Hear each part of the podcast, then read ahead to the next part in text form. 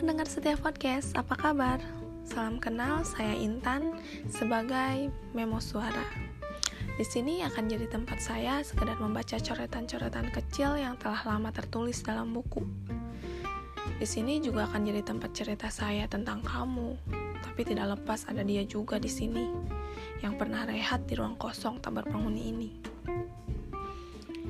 Ingat, ini hanya sekadar berbagi cerita, bukan untuk baper-baperan. Tapi kalau yang udah baper sih, selamat menikmati.